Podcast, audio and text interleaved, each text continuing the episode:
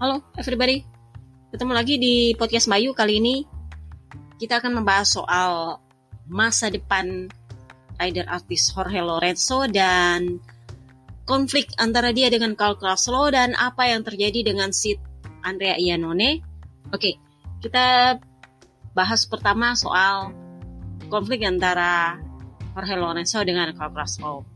Jadi, kalau ada yang nonton di TV lokal kemarin itu ada yang bilang katanya eh, nggak uh, ada apa-apa. Bayu sempat buka uh, streamingnya, mereka mungkin hanya bahas soal satu-satu. Jadi kan ceritanya waktu itu cuman Lorenzo bilang apa, terus dibalas sama Carl Kraslow. Habis itu mereka nggak update soal yang terbaru di sesi kualifikasi. Itu ada lagi Lorenzo bilang apa, kemudian di warm up lagi hari Minggu CP itu ada lagi dia bilang. Dan setelah itu si Carl Kraslow sempat balas juga. Jadi awal ceritanya adalah kan kalian tahu nih si Yamaha mendepak Jorge Lorenzo dari posisi test rider karena menurut katanya Meregali nih kegagalan di tes Portimao. Jadi itu off the recordnya settingnya itu sama sekali nggak bisa dipakai sama rider. Kenapa? Karena berat badan dia itu jauh lebih berat dibanding berat badan para rider normal. Jadi settingan balance-nya itu jauh beda. Udah settingan balance beda, dia juga lelet. Gitu. Padahal dia sebenarnya ngetes sampai dua hari di sana. Cuman ya itu settingannya sama sekali nggak bisa dipakai buat buat para rider. Jadi rider bilang nggak ada guna juga, nggak dipakai. Untungnya adalah Maverick Vinales dan Bebe Vale serta uh, Morbido minus uh, Snake Taro ya ngetes di Portimao karena kemarin Snake Taro memang sudah pernah katanya uh, ngetrek di Portimao jadi dia nggak ikut tes waktu itu jadi memang cuma cuman tiga orang itu untungnya tiga rider itu pergi ngetes track juga jadi mereka sendiri sudah ada preferensi lah ya Nah, itulah kabarnya yang jadi penyebab kenapa Yamaha menghapusnya dari daftar mungkin bisa ditimbang-timbang lagi nih daripada dipecat gitu. Emang dasarnya adalah memang dia udah mau dipecat waktu petinggi Yamaha mengendus bahwa dia punya kontrak dengan Ducati. Maksudnya udah calling-callingan. Itu awal musim banget sebelum jauh sebelum awal musim malah waktu itu Mbak Ayu bahas di podcastnya itu waktu kita masih ribut-ribut soal kontraknya Bebek Vale dan waktu itu Dovizioso sedang cedera. Itu belum mulai musim loh ya. Itu Yama udah ngendus banget tuh. Dan pada akhirnya kan Lorenzo mengakui bahwa memang dia hampir tanda tangan kontrak meskipun dibantah dengan keras oleh Ciabatti. Tetapi waktu itu Piro sudah kasih clue bahwa kemungkinan Lorenzo bisa masuk.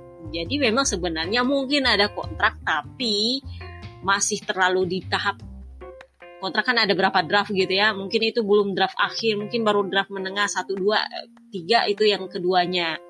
Begitu. Nah Bebe Vale sementara di Misano kemarin itu udah merekomendasikan untuk Dovi masuk menjadi test rider.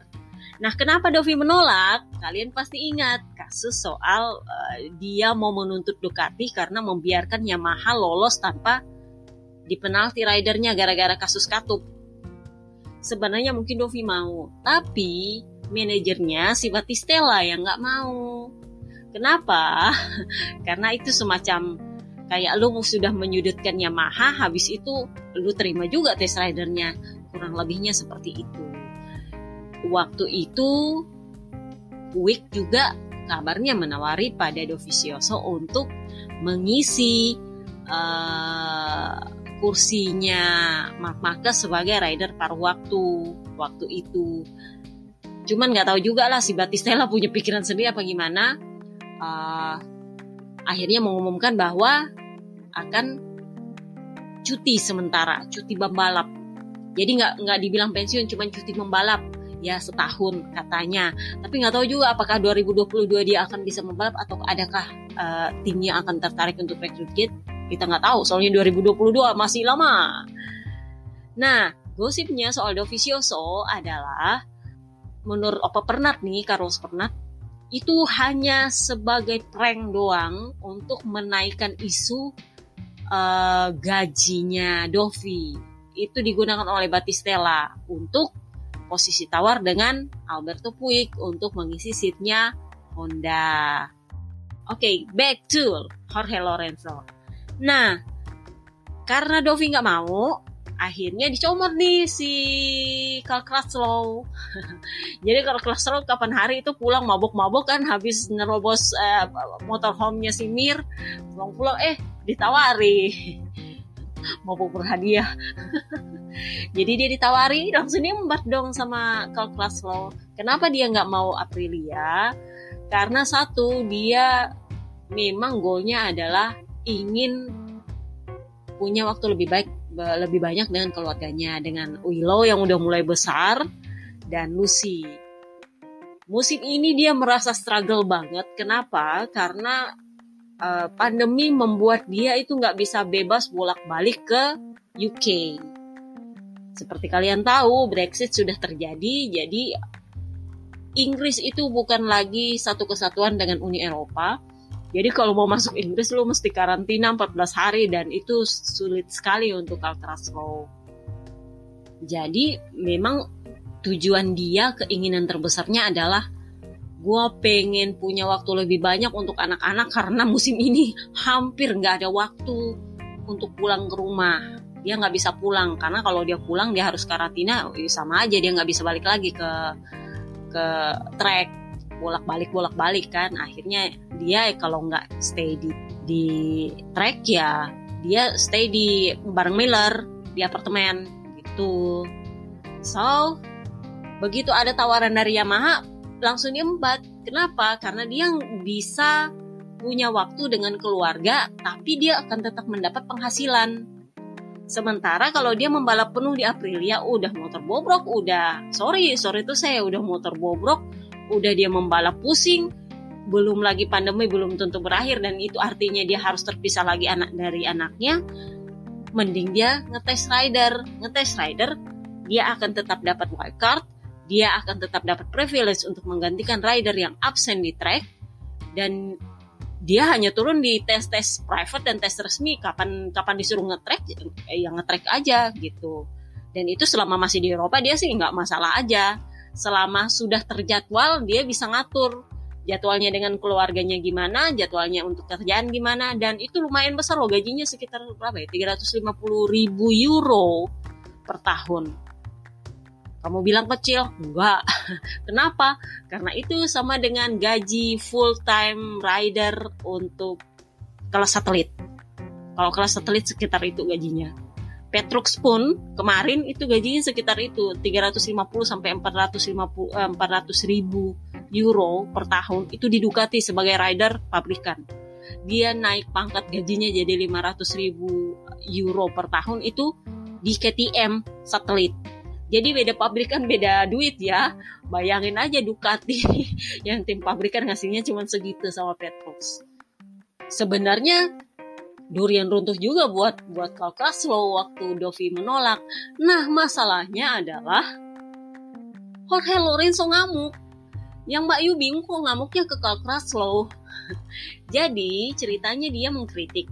Sebenarnya pernyataan dia bahwa dia membandingkan uh, dirinya sebagai emas dan Karl sebagai perunggu itu ada dua maksud. Pertama, dia mengkritik Yamaha kedua dia menghina Kalkras loh beda memfitnah ya memfitnah dengan menghina. Menghina itu ada benernya tapi emang melecehkan. Kayak lu uh, kalian ngerti nggak sih menghina orang miskin? Ya emang dia miskin gitu loh.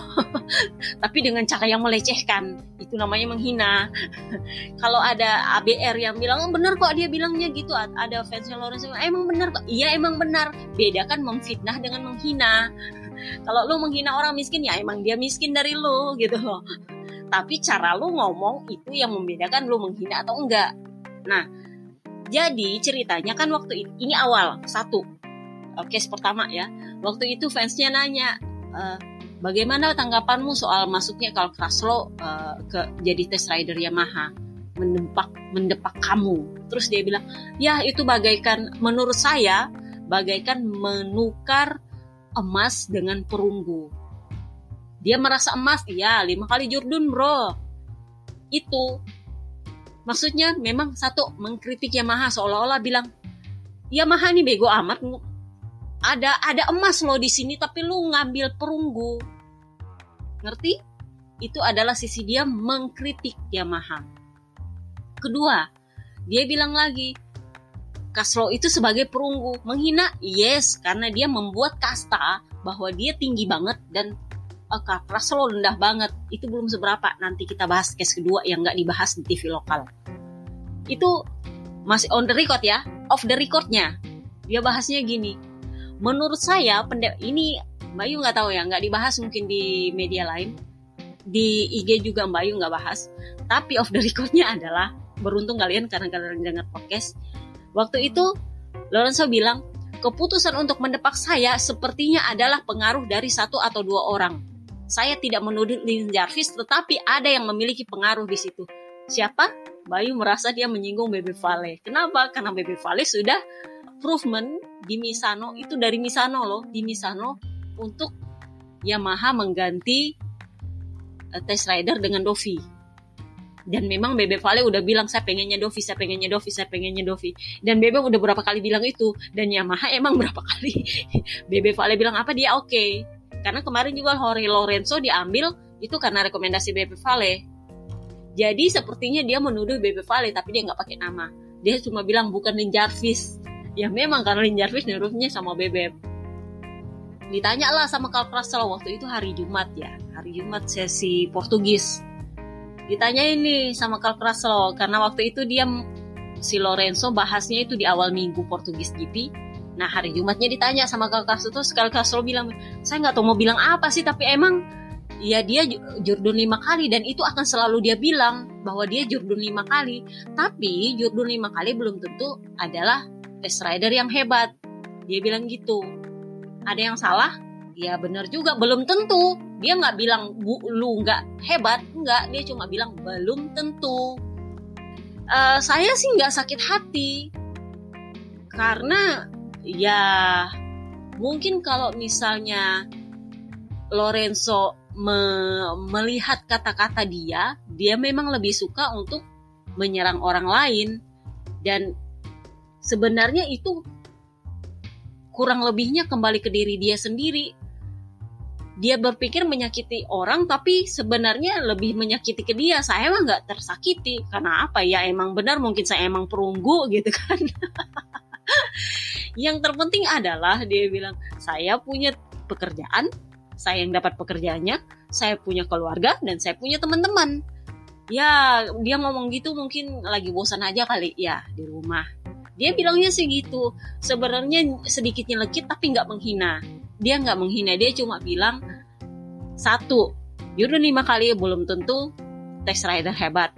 Dua dia bilang memang Lorenzo kebiasaan untuk uh, apa ya menuding orang lain. Itu memang dia terbiasa seperti itu. Dia biasa ngomongin orang lah istilahnya. Kemudian ketiga dia bilang iya saya nggak sakit hati mungkin dia yang sakit hati tapi saya nggak. Keempat dia bilang mungkin dia cuma bosan sebenarnya nggak ada maksud untuk menghina dia cuma ngewoles sih sebenarnya. Memang benar kata yang di TV lokal bahwa ya sebenarnya nggak ada masalah. Nah yang masalah adalah di Sabtu. Itu waktu itu kalau nggak salah si Kalkaslo masih Q2 Bayu pas baca dia punya story itu Kalkaslo lagi di track. Dari yang panjang lebar itu memang bahasa Spanyol dan nggak semua orang tahu karena kebanyakan jurnalis kan bahasa Inggris kita juga kebanyakan bahasa Inggris tapi Mbak Yu ada caranya buat tahu. Jadi Mbak Yu bisa terjemahkan tuh bahasa Spanyol dia yang panjang banget itu. Intinya kayak gini dia bilang satu bagaimana bisa saya tidak hebat sebagai test rider bila semua kru dan teknisi sepakat bahwa sejak saya meninggalkan Ducati dan Yamaha kedua pabrikan itu menjadi kurang menang jarang menang katanya. Satu sehingga apa yang harus diragukan lagi dari saya sebagai pengembang? Itu. Itu yang pertama. Terus kedua dia bilang ini nih bagian menghinanya ke Carl Kraslow dia bilang kayak gini. Carl Kraslow oh enggak. Dia bilang faktanya saya lima kali Jordan sementara Carl Kraslow dalam 10 tahun terakhir dia adalah rider yang paling banyak crash. Dia sambil posting uh, fotonya Carl Kraslow lagi jatuh dan itu nyatanya nyata-nyata nomornya Kraslow nomor 35. dia yang paling sering jatuh dan dia nggak pernah menang podium aja jarang. Dia bilang gitu. Yang terakhir ini nih paling menghinanya. Dia bilang gini, ya mungkin dia memang bagus sebagai test rider tapi bagus untuk menguji ketahanan motor dalam kurung maksudnya itu ketahanan motor adalah uh, buat buat ngancurin-ngancurin motor gitu loh itu maksudnya menguji ketahanan motor dari ancur jatuh. Jadi sebenarnya memang dia menghina. Nah itu belum selesai belum. Hari minggu warm up si Carl Kraslow uh, P1 sebenarnya Carl Kraslow nggak balas loh teman-teman. Tapi si satu ini Jorge Lorenzo ini bikin gara-gara lagi. Dia posting tuh si Carl Kraslow. Terus dia bilang, ah mungkin uh, ini mungkin adalah salah satu golden warm up untuk Carl. Dia bilang gitu. Dia tag lagi Carl Kraslow. Emang cari ribut men. Carl Kraslow balas enggak. Habis race dia posting gambar bannya. Terus dia bilang, ini menceritakan semua. Pendek banget.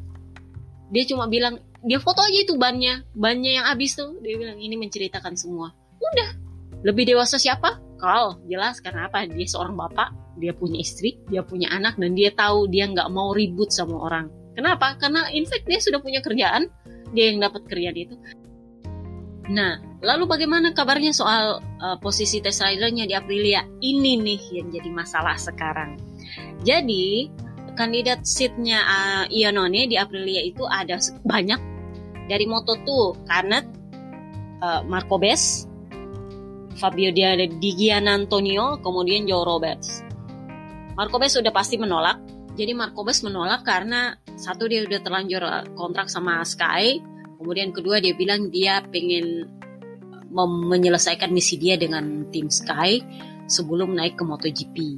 Itu kata dia.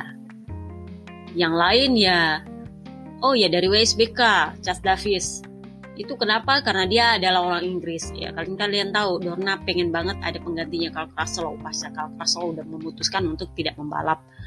Jadi harus ada rider Inggris. Nah, Dorna mengusulkan untuk Chas Davis. Itu sampai Chas Davis itu nahan kontrak dia di di WSBK demi memastikan masa depan dia di Aprilia. Kemudian Bradley Smith sudah pasti jadi calon uh, Lorenzo Savadori itu juga jadi calon karena apa ini? In fact dia sudah existing sudah berapa kali turun track dan memang dia adalah test rider pengganti Bradley Smith karena si Smith menggantikan Iannone. Kemudian yaitu Jorge Lorenzo. Nah, Aprilia begitu mengetahui cuitan dan reaksi dari Jorge Lorenzo soal mengkritik Yamaha dengan menukar emas dengan perunggu, Aprilia langsung coret. Kenapa? Ya kalau besok-besok motornya bobrok atau kenapa-kenapa giliran giliran dikritik dia nyalahin Aprilia. Iya dong, Yamaha aja dia salahin. Terus kalau dia diganti, ribut lagi nanti. Jadi mending Aprilia bilang udahlah cari aman, dicoret dia. Jadi yang gosipnya masuk di uh, daftar nama line up Aprilia untuk tahun depan itu adalah Lorenzo Savadori. Kenapa? Sebenarnya minggu ini ada rapat para petinggi Aprilia untuk menentukan siapa yang akan mengganti Setia None. Hanya dua nama yang akan dipertimbangkan, Bradley Smith dan Lorenzo Savadori. Akan diambil vote, siapa yang menang akan menempati posisi uh, rider penuh dan yang kalah akan menempati test rider. Jadi nggak ada tempat lagi buat Jorge Lorenzo. Nah, angin berhembus super-super berkata bahwa memang Savadori yang akan menang. Itulah kenapa ada nama dia di line up sementara ke Donna. Karena dia berkewarga negaraan Itali sebagai uh, home base-nya Aprilia dan memang Aprilia butuh rider Itali karena Iannone kan Itali. Itu kenapa sampai Iannone ditunggu banget. Satu, kedua karena memang pengembangannya Iannone bagus. Kurang lebihnya akan akan jadi Savadori tapi nggak tahu lah ya ke mana angin berhembus. Lorenzo sendiri saat dikonfirmasi dia bilang belum ada kabar dari Aprilia. Kita akan tahu nanti apakah saya bisa mendapatkan posisi itu atau memang proyek itu sudah dibatalkan. Jadi ya maaf aja. Sebenarnya bukan salah bukan salah pabrikan, bukan salah jurunya, salah attitude dia sih. Masa posisi tes radar aja nggak ada yang mau udah. Oke, itu aja. See you next time guys. Bye bye.